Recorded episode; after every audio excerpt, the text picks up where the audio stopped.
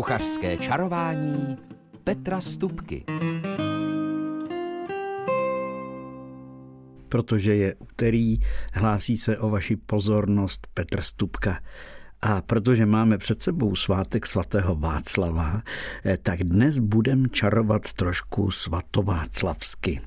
Nejprve se vydáme do historie a bude řeč o jídle v dobách svatého Václava, alespoň tak, jak se domníváme v současné době, ale samozřejmě přidám i několik starodávných receptů z našich krajů.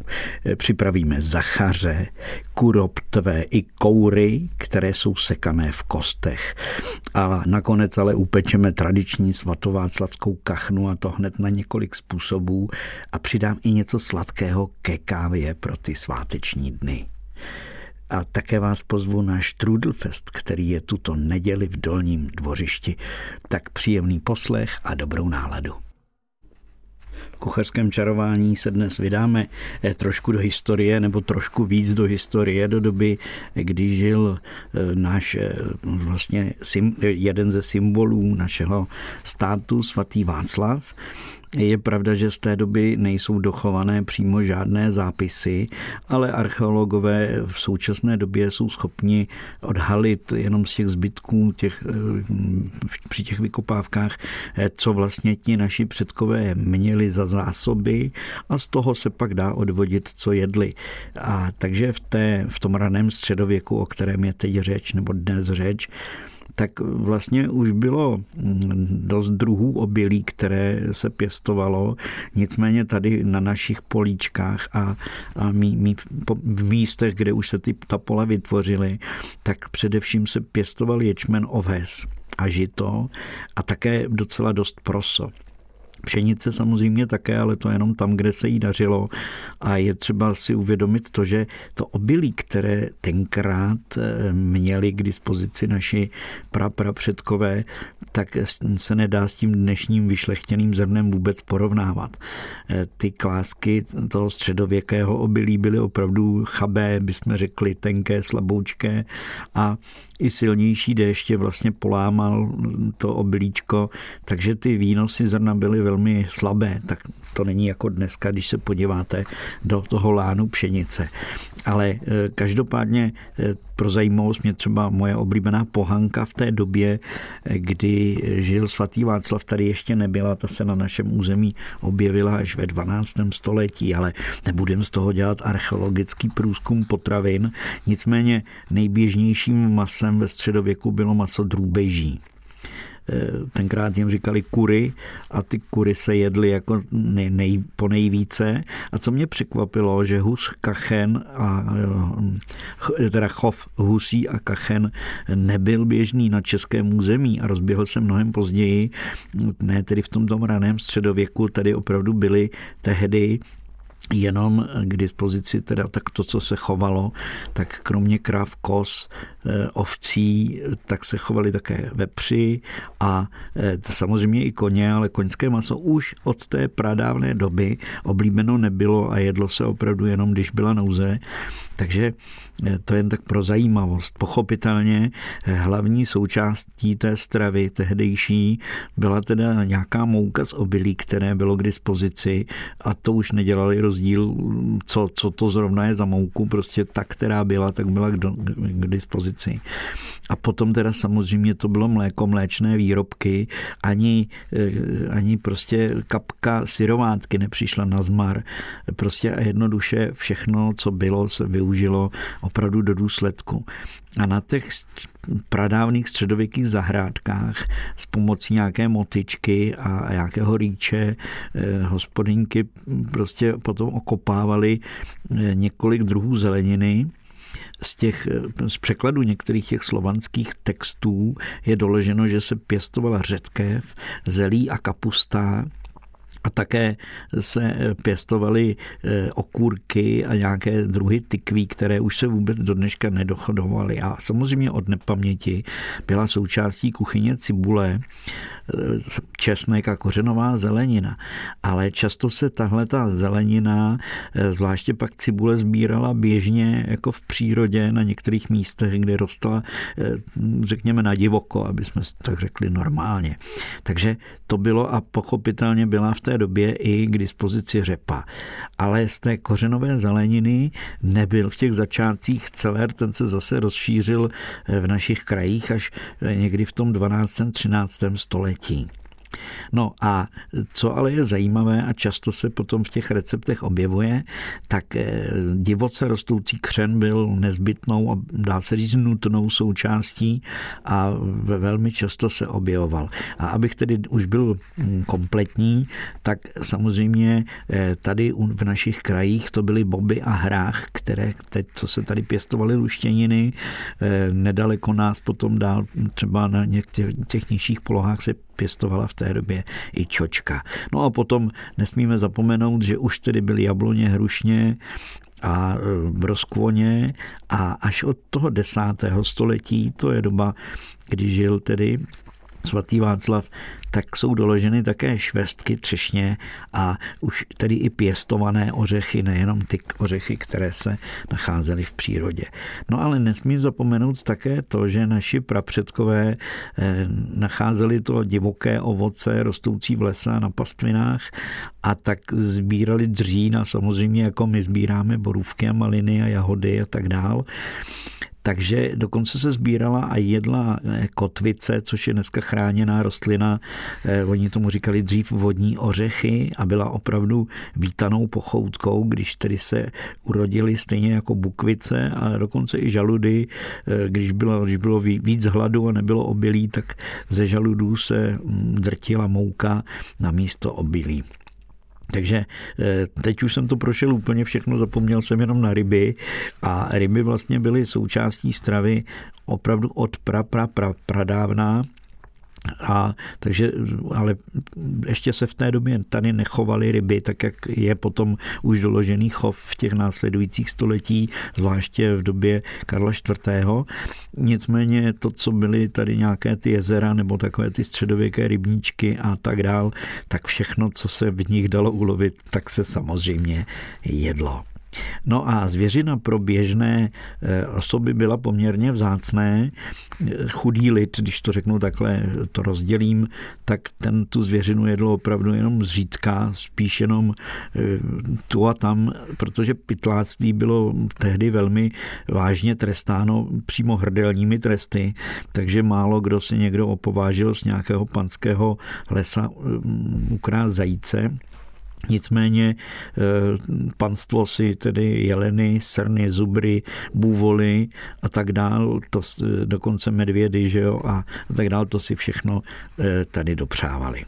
Tak, takže eh, takhle asi nějak vypadal takový základ té stravy středověké. A koření. Samozřejmě tady rostl kmín úplně běžně, používala se šalvie, planý kopr, takže máta, bedrník a tak dál, to byla, eh, tak jak už jsem mluvil o divoké cibuli, i divoký česnek se nacházel, tak to, byly, to bylo to, co se prostě běžně tady sehnalo a koření do, dovážené se začalo objevovat až opravdu v podstatě pozdějších dobách eh, kolem toho roku tisíc. Před naším letopočtem eh, se, se ten obchod vůbec s potravinami spíš odehrával jenom na té regionální úrovni ale aby někdo jako za Rožumberků vozil přes Alpy z Itálie eh, smetanu a smetanové dorty a další lahůdky, tak to se v téhle té době, o které dneska v kuchařském čarování díky svátku svatého Václava o tom opravdu to si nikdo nedovedl představit, že by se takovou dálku vozilo něco k jídlu. Tak to byl takový úvod a já jsem vám slíbil, že si také něco eh, uvaříme, nahlédneme do starodávných knih. Já jsem si tady vypsal několik receptů a tak po písničce vás s nimi seznámím. Ne, že bych vás nutil je přímo vařit. Kuchařském čarování jsme se dnes vydali do historie a já mám pro vás slíbené recepty, které patří mezi ty nejstarší, které jsou zachované právě z té doby před tisíci lety přibližně, kdy eh, se vařilo opravdu velice jednoduše a eh, navíc tohle to jsou recepty, které jsou zachované v archivu Národního muzea. A já teda nebudu používat tu starodávnou řeč, protože eh, za prvé se mi to špatně čte a za druhé bych musel stejně podávat vysvětlení, co to znamená, když vařili zachaře. Mám tady recept, který se jmenuje Zachaře výše sladké. Tak zachář, jak jsem následně zjistil a vypátral, je jiné jméno pro zajíce z téhleté dávné doby. Takže když tedy eh, byl k dispozici zajíc, řekněme na tom dvoře eh, knížete, kní, tom knížecím nebo královském dvoře, tak když byl tedy ten zajíc, tak, tak budeme mu říkat zachař, důvěr, důra, tady důvěrně, pardon. A jak, jak byl připraven. Z pravidla, eh, nebo ten recept tady říká, nejprve zachaře očistí a tak dál a tak dál, pak je nech, eh, takhle, abych to řekl úplně správně, oni je na začátku ty zajíce pověsili a nechali je zamřít to znamená uzrát, to znamená e, ještě v uvozovkách zasmrádnout. A teprve takový zachař byl ten správný, který se připravoval. A potom se docela běžně rozsekal i s kostmi na kousky, a potom se dal vlastně jenom do vody a nedával se do žádné jíchy, ale dal se prostě do vody, vložil se do vody, krátce se vařil a potom se teprve do toho přidalo větší množství jablek, a dalšího ovoce. Tady v tom receptu je přímo, eh, tedy jsou popsána jabl, jablka a potom ještě, že se měla ta jícha doplnit nějakým povidlím, které se zpravidla připravovalo z ovoce, takže se dlouho vařilo v nějaké nádobě a potom dvou až třídenním vařením vznikla hustá, nasládlá eh, kaše, tmavá z pravidla tedy a to, byly, to bylo povidlí, které se z, z toho veškerého ovoce, které bylo, uvařilo. A to potom v nádobě, z pravidla kameninové nádobě, vydrželo vlastně několik i let, když by jsme to zkoumali, byly nalezeny právě archeologi zbytky tadyhle z toho povidlí a díky tomu dlouhému vaření tak to získalo vlastně eh, vlastnosti, že, že, to, že se to nekazilo. Takže tady to povidlí se do tohohle toho všeho ještě přidalo a potom se to vlastně ten zachař se v tomhletom sladkém ovoci eh, dovařil, dodusil, no a podával, takže na pohled nic moc. A na tom královském dvoře ještě měli, nebo na tom, na tom knížecím, měli určitě k dispozici ještě koření, které už tehdy bylo předmětem významného obchodu tak zpravidla oni nerozlišovali, jako aby dávali jedno koření do jednoho jídla, dělali, dělali něco na kmíně tak oni jaké koření měli, tak to do toho jídla dali, protože to koření v té době bylo znamením bohatství, takže eh, tady dali, co ten kuchmistr měl, tak do toho, do té jíchy sladké, do, do té omáčky nebo dušeniny, tak tam přidal. A takhle byl upraven eh, zachař. Eh, Kuroptové natlučené v kyselé nebo v kyslé šalši, to je další recept, který jsem vybral jen pro tu, pro tu představu vaší, jak, by, jak, jak tehdy vařili. Takže ty kuroptvé eh, se nejprve uvařily, to maso se obralo z nich a eh, ty korop samozřejmě to obrané maso, eh, všechno tehdy vařili poměrně dlouho a důkladně, tak, aby to co nejdéle potom vydrželo, protože neměli ledničky a tak dál, takže eh, takové to polosyrové úpravy a něco takového vůbec tehdy neexistovalo. Takže tohleto maso eh, trochu pokrájeli a potom ho dali do hmožíře a zalili kyslou šalší. Kyslá šalše, eh, představme si to jako polévku, která je velice jednoduchá.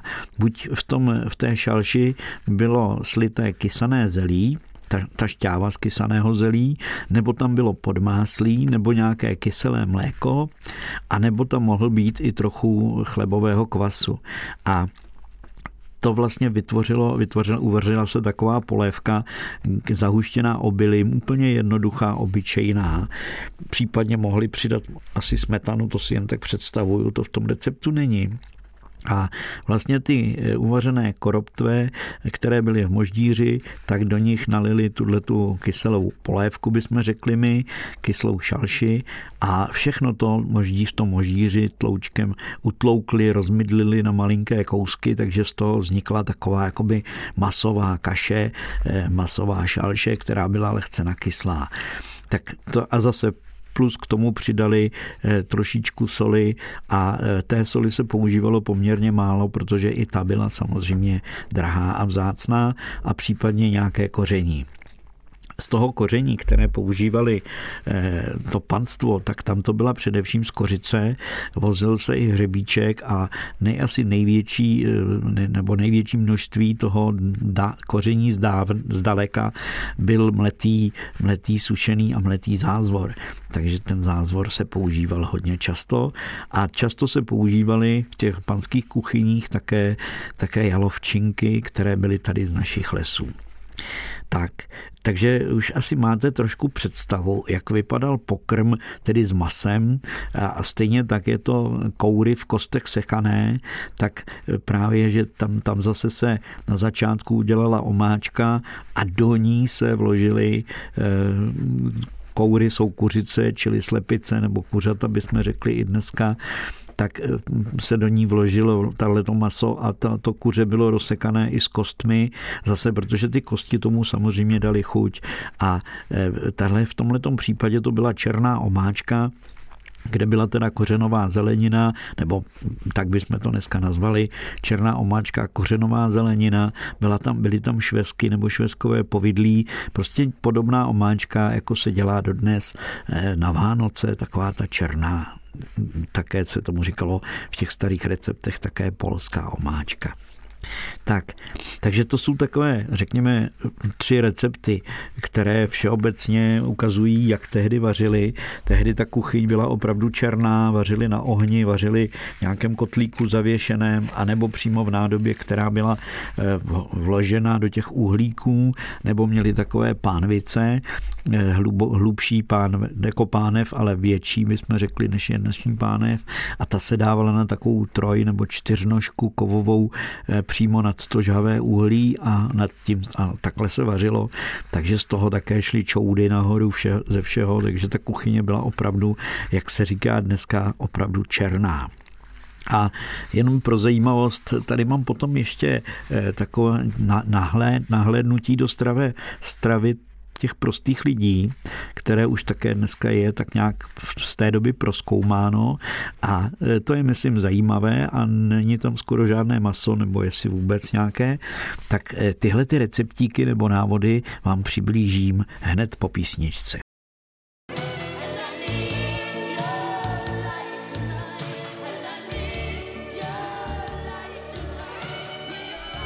Na vlnách rádia našeho kraje posloucháte kuchrské čarování a dnes tedy trochu historické.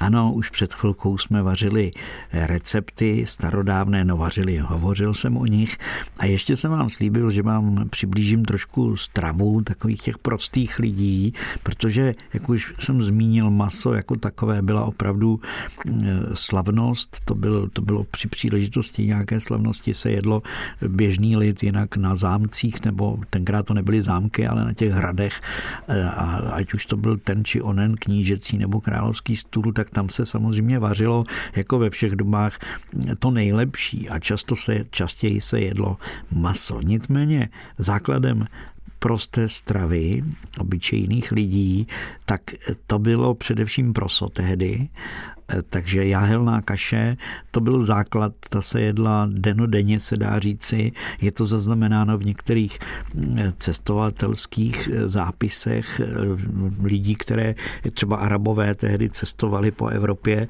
a podivovali se té naše, naší stravě a z toho se dá odvodit právě, eh, co tehdy lidé jedli A samozřejmě, jak už jsem zmiňoval, i archeologové to dokládají tím současným výkonem, tím výzkumem. Každopádně proso a oves to byl základ většiny těch kaší a e, také polévek, ale ty polévky se často vařily tak, že vlastně to byla e, nejdůležitější součást e, vlastně té stravy a vařila se v různých obměnách, i když vždycky ten základ byl stejný. Základ byl prostě drobený chleba nebo mouka. Ta mouka vypadala spíš jako, jako by to bylo semleté opravdu na hrubo obilí, takže to nebyla hladoučká mouka, tak jak my ji teď máme. Ta bílá mouka, tak se nazývala tehdy mouka ta nejjemnější, ta se používala opravdu jenom při svátcích a k různým tedy obřadům, ať už to byly ještě pohanské, anebo už to byly eh, nějaké katolické obřady. Takže eh, z pravidla to byly, byly tak na půl otruby a na půl mouka, abyste si to dovedli představit. A takže to bylo vlastně ta zahušťovací součást, byl buď ten drobený chleba nebo nějaké jiné pečivo a mouka a do toho se dalo to, co bylo.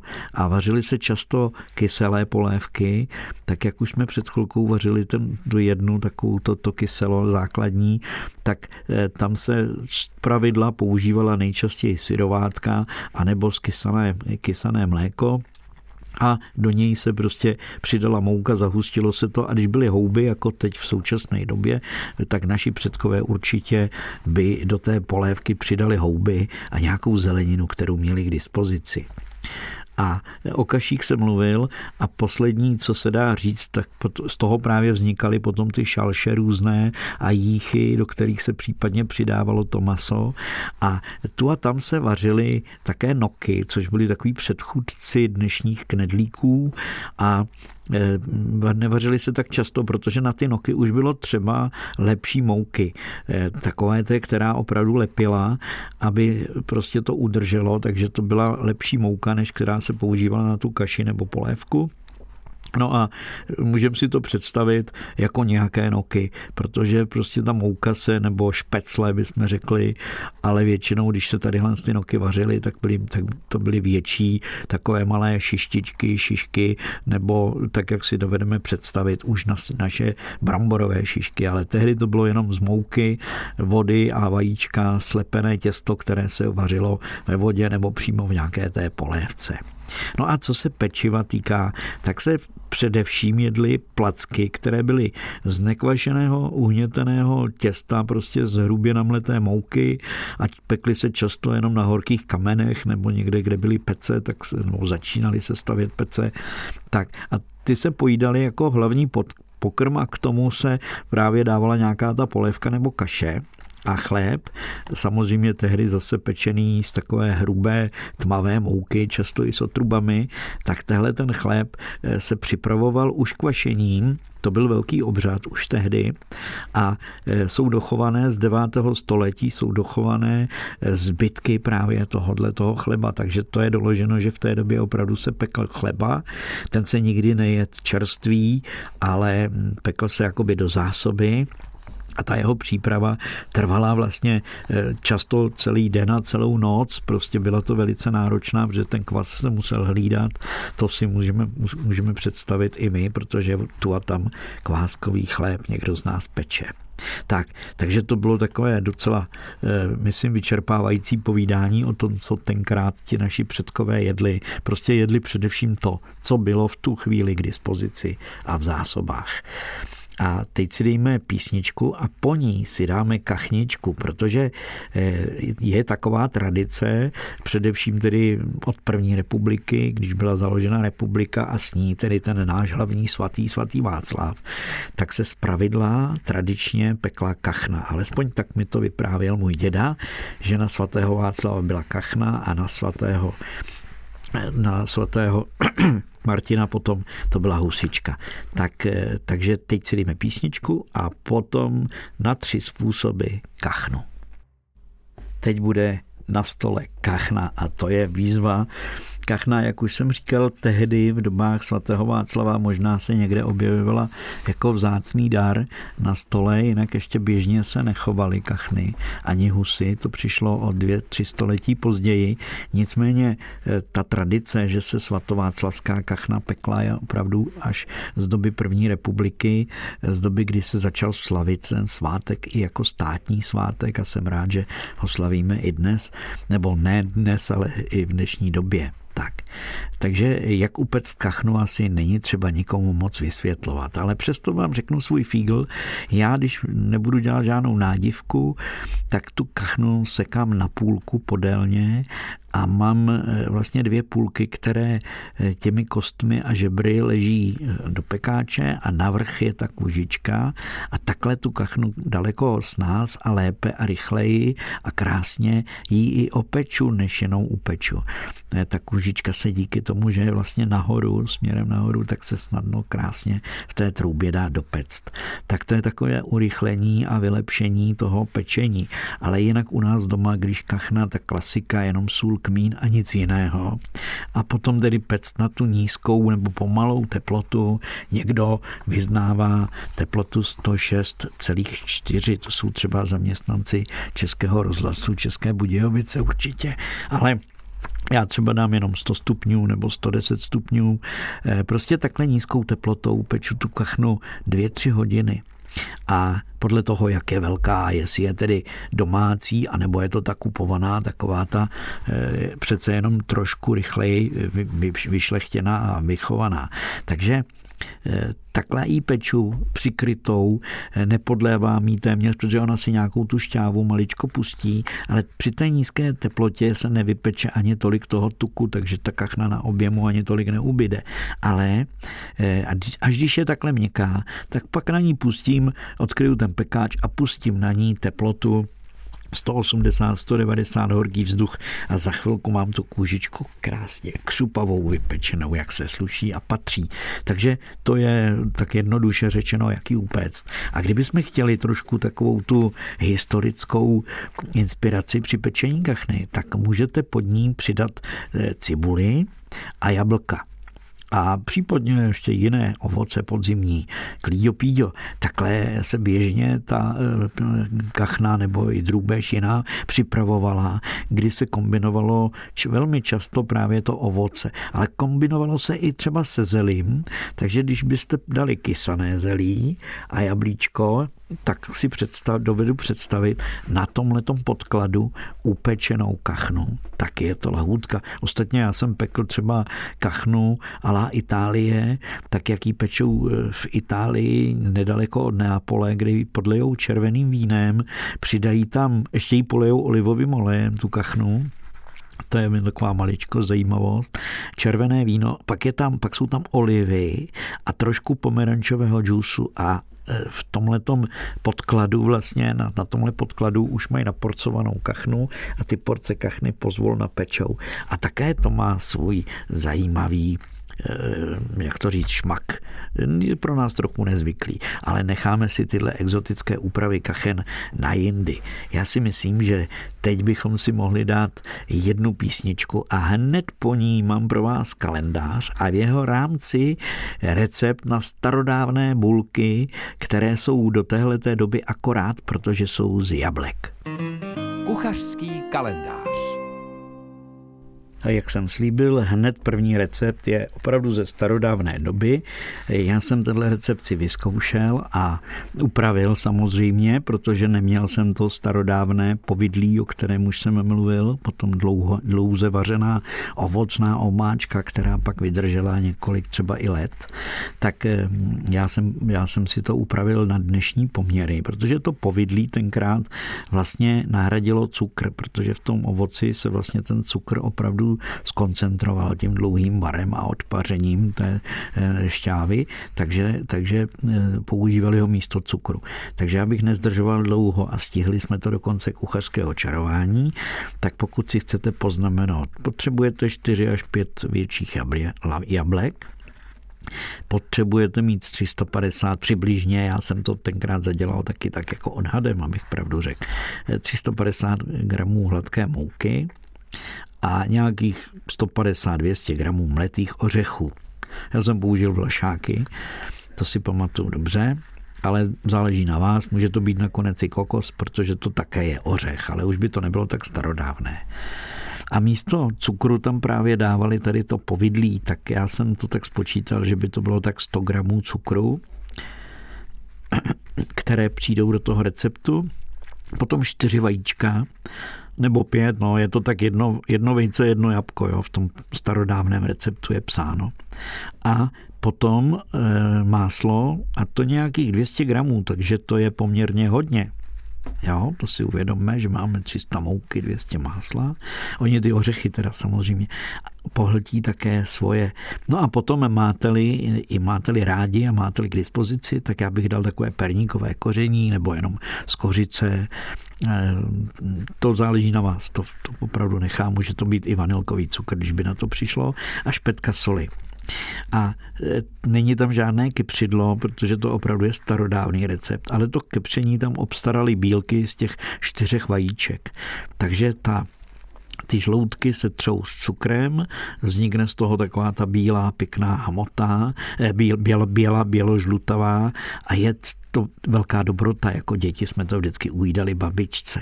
A pak se do toho e, rozetřeného cukru a těch žloutků přidá rozpuštěné máslo a pak se tam přidá mouka, ořechy, nastrouhaná nebo nasekaná jablíčka a koření pochopitelně. A na závěr se to všechno se to všechno eh, vylehčí ušlehaným sněhem, tím bílkem, bílky vyšlehané do sněhu, tak to se, ten sníh se do toho zamíchá a tvoří se z toho opravdu jen takové bulky, prostě se udělají, no, já jsem to dával, já jsem, ono je to těsto docela řídké, tak jsem si pamatuju, že jsem namočenou, eh, jsem měl takovou velkou lžíci a tou jsem na plech s pečícím papírem takhle to rozdělil a oni z toho potom takové plus minus bulky či placky, něco mezi tím vznikne, když to potom upečete v troubě. Podle velikosti se to peče tak 20-30 minut a teplota zase těch 170 třeba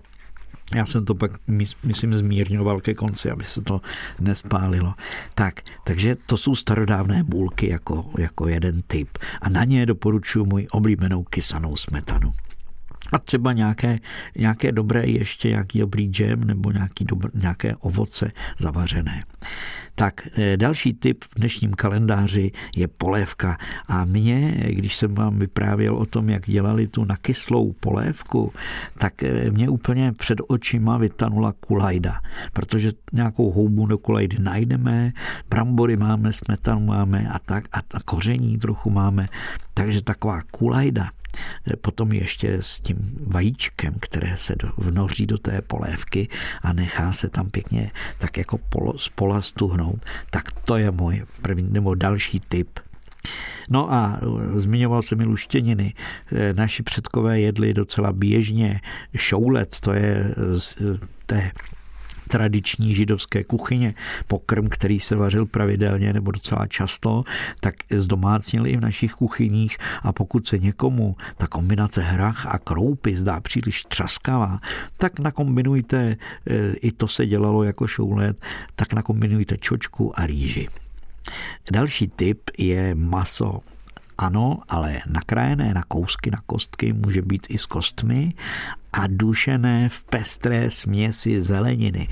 V Irsku nebo i jinde na světě to dělávají tak, že dají vrstvu, kde na, na začátku je osmahlé maso a cibule a potom na to dají vrstvu, řekněme, brambor nakrájených na plátky, potom vrstvu mrkve nastrouhanou, potom další vrstvu další zeleniny, jo, nebo i kapustičky tam můžou být a podobně. A všechno se to potom pomalonku v troubě dusí tak, že ta zelenina pouští šťávu dolů do toho masa, to maso se dusí v té šťávě ze zeleniny, ta zelenina v těch vyšších vrstvách se tepelně samozřejmě párou propracuje, e, změkne a potom nakonec se to všechno promíchá a šupne se to na talíř. A často to až na talíři kořenili, to znamená solili a dodávali třeba na to pepř čerstvě pomletý. Ryba na plechu, to je zase jeden z takových starodávných receptů, protože já jsem tu ty ryby jsem dneska nezmiňoval, i když jich jedli naši předkové poměrně eh, dost a hojně.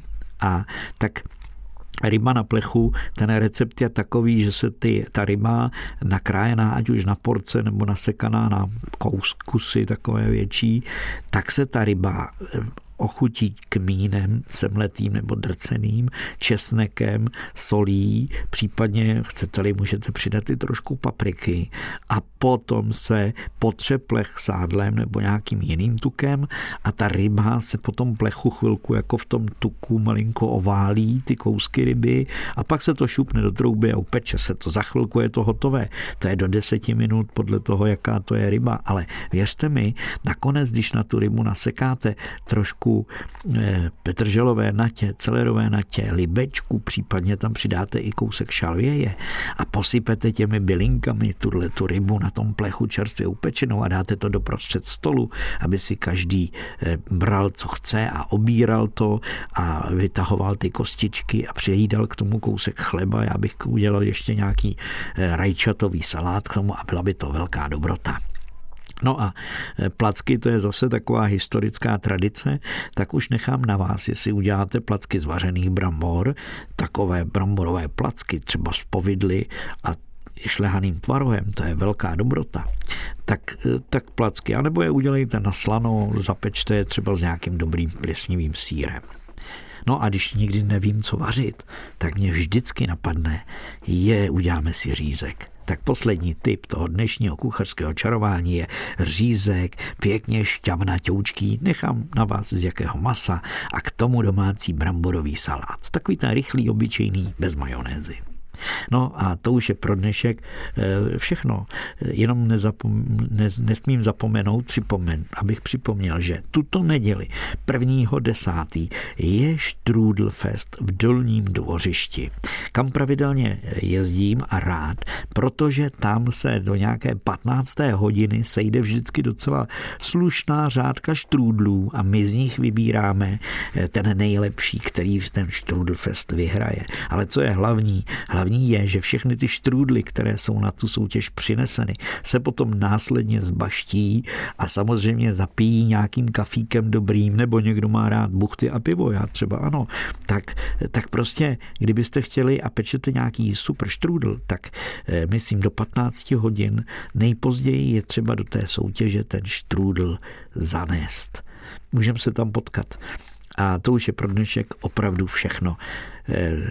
To příští kuchařské čarování to už bude říjnové a bude ve skrze zvěřinové, ale to necháme až za týden. Do té doby jenom všechno dobré, nejenom na talíři, ale vůbec v těch všech krásných podzimních dnech vám přejí ti, kdo dnes kuchařsky čarovali. Honza Simota vládnul rozhlasovou technikou a do mikrofonu vám věřím, že dobré, nicméně historické a pradávné chutě eh, posílal kuchařský čaroděj Petr Stupka.